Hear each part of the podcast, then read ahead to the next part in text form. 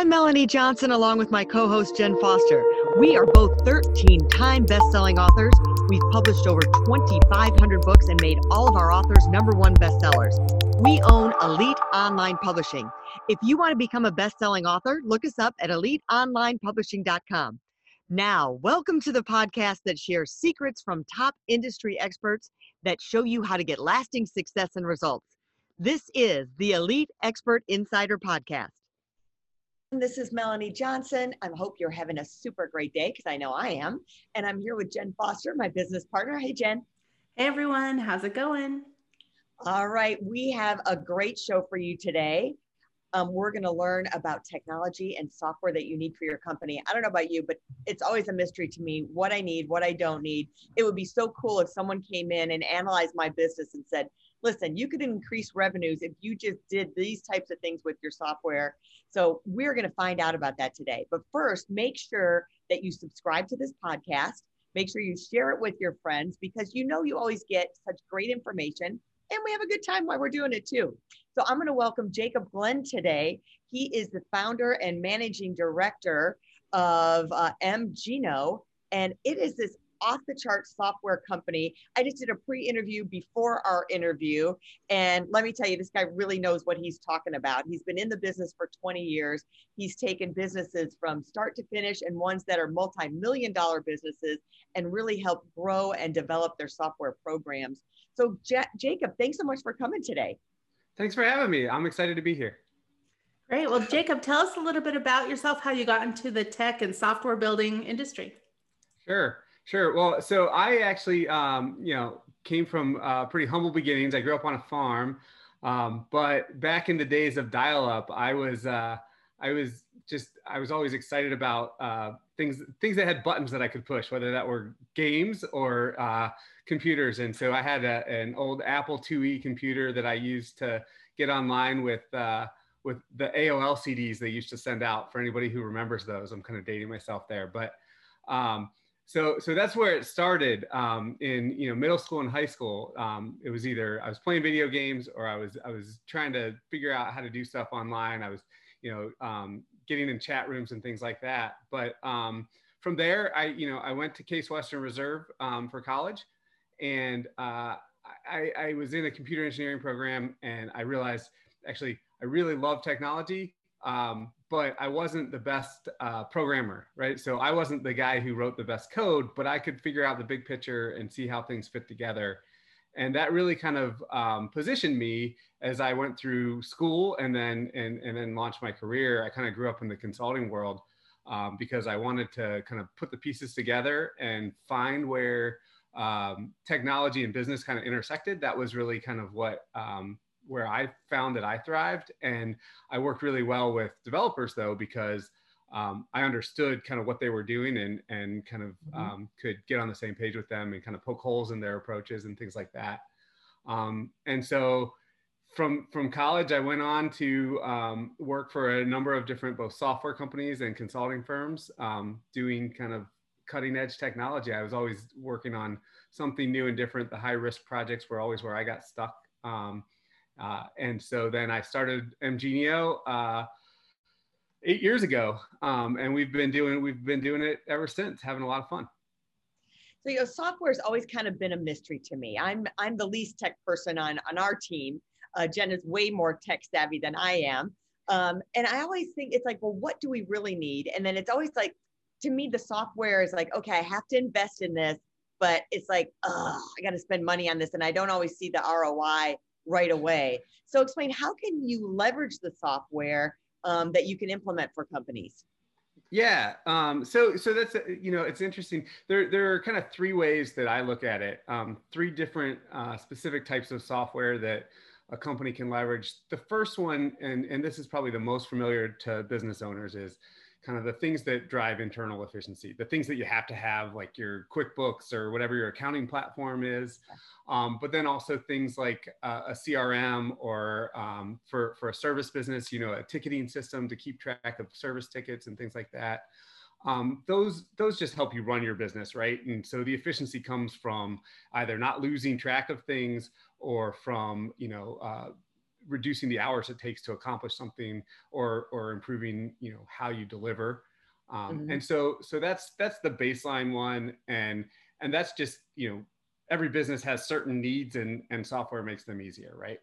Um, the second one is where you start to get into software that can maybe increase your ROI, maybe can help you win more projects if you're if you're yeah. a project-based company, um, and actually in, improve the customer experience. And so that is what I consider it's it's usually customer-facing software that is um, a lot of times process-driven and integrated to your business itself. So like if you have something that you do um, and you have software that kind of sits alongside of it, um, both that you can use internally as also with your customers.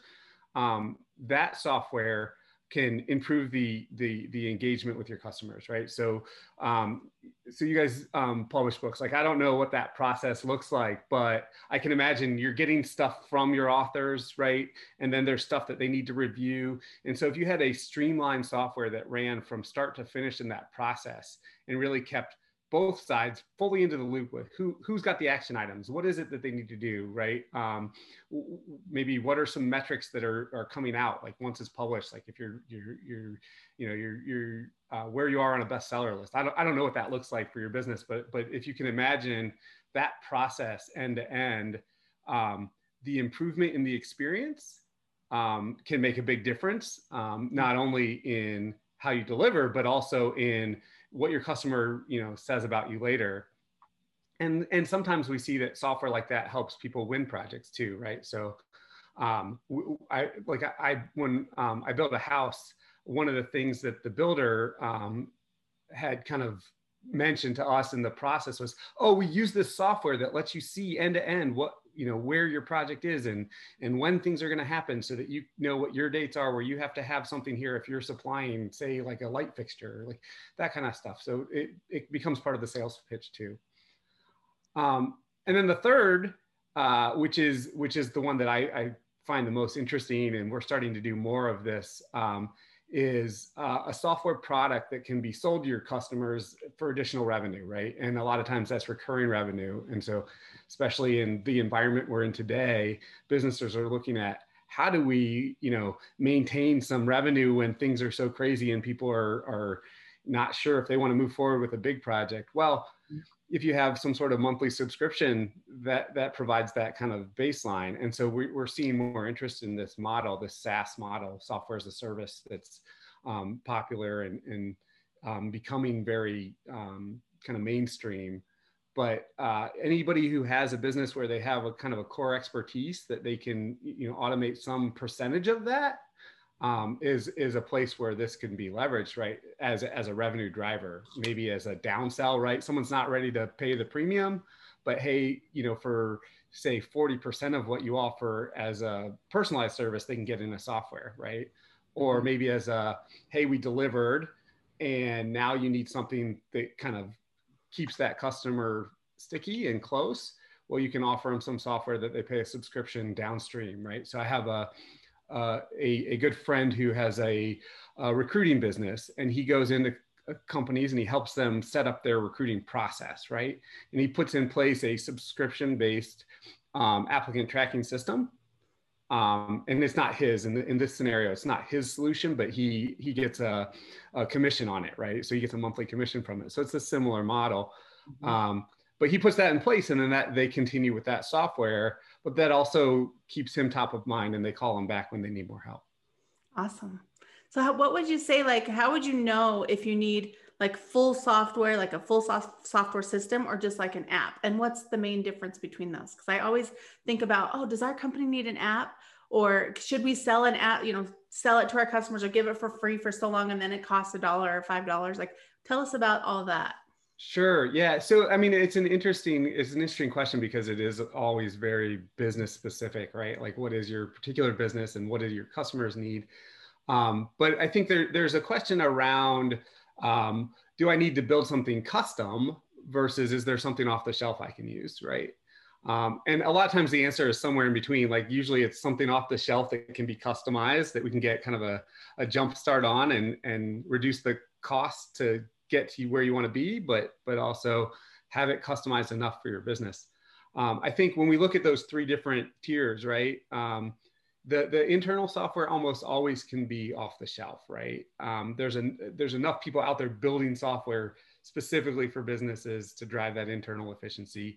Sometimes it can be customized, right? When you think about things like a CRM solution, um, certainly customization of that um, makes sense to fit your needs, but and off the shelf is where you start. Not many people are out there building their own CRM solution today. Um, when you get into that kind of um, customer facing software that supports your offering, um, th- that's another place where um, it's, it's much less likely it's going to be off the shelf, but that interim kind of there's some software that can be the baseline that you build on top of. Um, one example is salesforce.com, right? Which is people know it as a CRM solution, but it's actually a platform.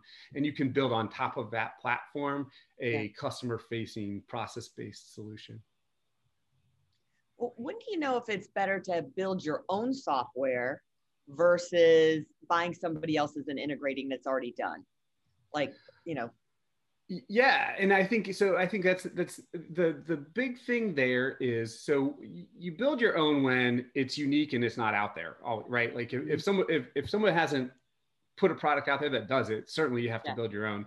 Um, but you back off from there in terms of where the value proposition is right? So you you mentioned earlier um, struggling with where's the roi right? There's an investment and where's yeah. the roi and so a lot of that is is you got to um, have a vision and you need some um, you need both like, like the technical kind of view of the world and, and where things are headed and how um, what something that's already out there can do for you versus what if you build it yourself and have it completely customized to your process or your vision um, what's the difference right and, and a lot mm-hmm. of times that's where the business and the technology you need to look at those two things together and where they intersect um, i think that a lot of times um, probably 80% of the time, if you look at the 80 20 rule, 80% of the time, um, if it's something that is unique to what you offer, right? Like you have a process or an expertise, building something custom makes sense um, bec- because it's it's core to what you do, and and you're not going to be able to get something off the shelf that's going to get you there. Well, then you own the technology too, right? Because they're paying someone for the technology, you own the tech. So maybe it increases the value of your company, would you say? Like, hey, we own the technology and the platform of this and the software rights. You could even sell the company and still keep the rights to the technology and yeah. have recurring revenue from that versus just renting somebody else's. Is that true? Absolutely. Actually, we um, we did a project for a company that um, ended up selling, and you know they originally were a service-based business, and over a course of about five years, they pivoted um, where 80% of their revenue came from that software. Um, and, and their valuation um, was, was, I mean, from a multiple perspective, the multiple was double what it would have been if they were a service-based business. We're talking about, you know, SaaS companies sell at a, a, a 10x multiple when a service-based business sells at a 5x you, you know like the yeah. value add to the underlying company is certainly there and and you know the investors that i i know and i work with um, they tend to to look at things and say, well, that recurring revenue is really interesting, right? If you can re- grow that month over month revenue versus, hey, I sold this big project, right? Like that's starting to become more interesting because it's more sustainable. Yeah. Well, when do you know? When do you know if it's the right time to build your own software or build your own app? Yeah, so so timing's tricky, um, and and so I think with timing, a lot of the question is around um, where you are in your business maturity, right? So if you're just starting out, um, unless your intent is to be a software business, right? Um, if you're just starting out, um, you haven't figured out where the where the the uh, hurdles are in your day to day, right? So you got to get to a point where your business is running smoothly enough where you can step back and say, here's what could be automated or here's what our customers are asking for that we're not providing with our, our human interaction right? And and being able to to look at your business from that level is really a driver for hey this is a good time to think about software.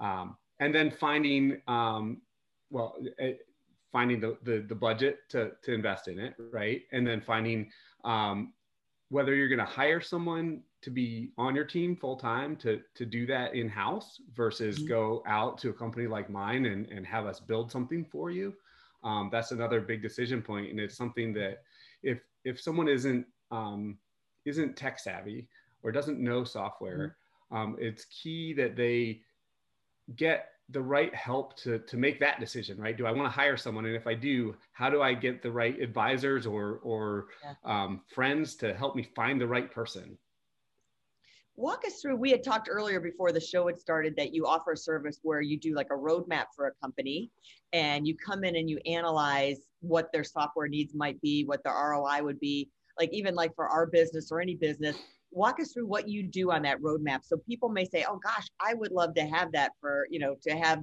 jack come in and do it on mine or jake would come in and do it on on our company and do that kind of evaluation so i can decide what i need. Sure um, it, that, it's a it's a fairly standard process for us, although it is always different depending on the customer, right? Yeah. So we have customers who come to us and say, um, you know, I want to build this this solution. This is the software I want to build, and and we're getting into um, we start from that baseline and we get into all right what are the specific requirements that you you know the the, the functionality that you need um, mm-hmm. and where do you want to take it from from there? Like what about this? What about that? We do a lot of like hey like technology could let you you know go here or here. What right. makes sense right? You're the expert what makes sense? Um, and so if it, if they're starting from that point where they already have that vision um, we do a lot of whiteboarding right? So we're drawing out what this looks like, what the process is, um, what the, the underlying technology looks like. And so the steps in that process for us are understand what the functional vision is, then define a technical vision that can support that, right, over time, right, in phases. Yeah. And then to define the, the actual phases of implementation. Mm-hmm. Um, and we lay all that out in a roadmap document. Um, and then usually um, the other thing is a, a, firm budget that comes out of that. Like we know now exactly what it takes to build what you want. So here's what that that is. Um, for someone who doesn't have that kind of initial starting point, yeah. Um, then it's much more process based. We, we we sit down with them and we lay out. Okay, so so what are what are the the what is your process, right? And mm-hmm. and if it's you know well you know we do X, Y, and Z, and that is you know our secret sauce then it's a question of okay so what of that secret sauce do you want to either distill out and, and offer on its own? Or we you know we kind of go through all the different scenarios. We do a lot of like well we could build something that looks like this or we could take that process and we could automate it like this. And and you know kind of in that conversation and in those those layout of process we get to oh it's almost always like that aha moment where someone's like that's it. Like that's that's the vision I want. I didn't have it right. coming in, but that's what I want. And then we go go to that next step of what I talked about before of someone who comes in with the vision. So, um, but that's generally the process. Um, it's it's usually a two to three week period mm-hmm. um, mm-hmm. that that we do that in, and you know that comes out of that is here here's a vision, here's a roadmap, here's a technical architecture that will support that long term vision, um, and here's what it would take to build it.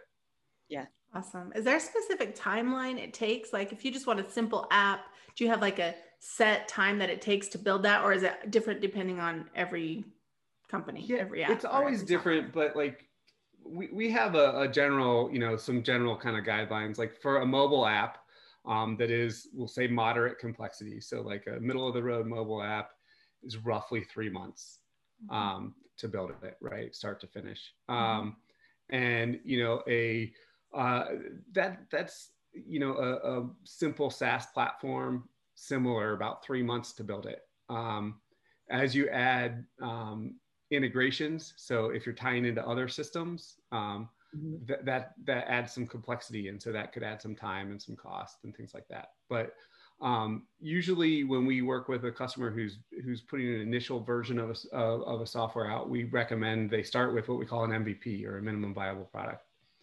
and and so you know we try to start with that three month period for a minimum viable product so they can get something get some user feedback you know play with it see if it's you know where things are good where things are bad what the additional features are that they maybe they didn't think of that they want to add um, a lot of times mm-hmm. your customers have ideas that you didn't and so it's always good to get something out there even with a beta group and say, Yeah. all right, give us some feedback. Do you like it? Right. And, and they'll, they'll usually say, yeah, I love it. Can you add this?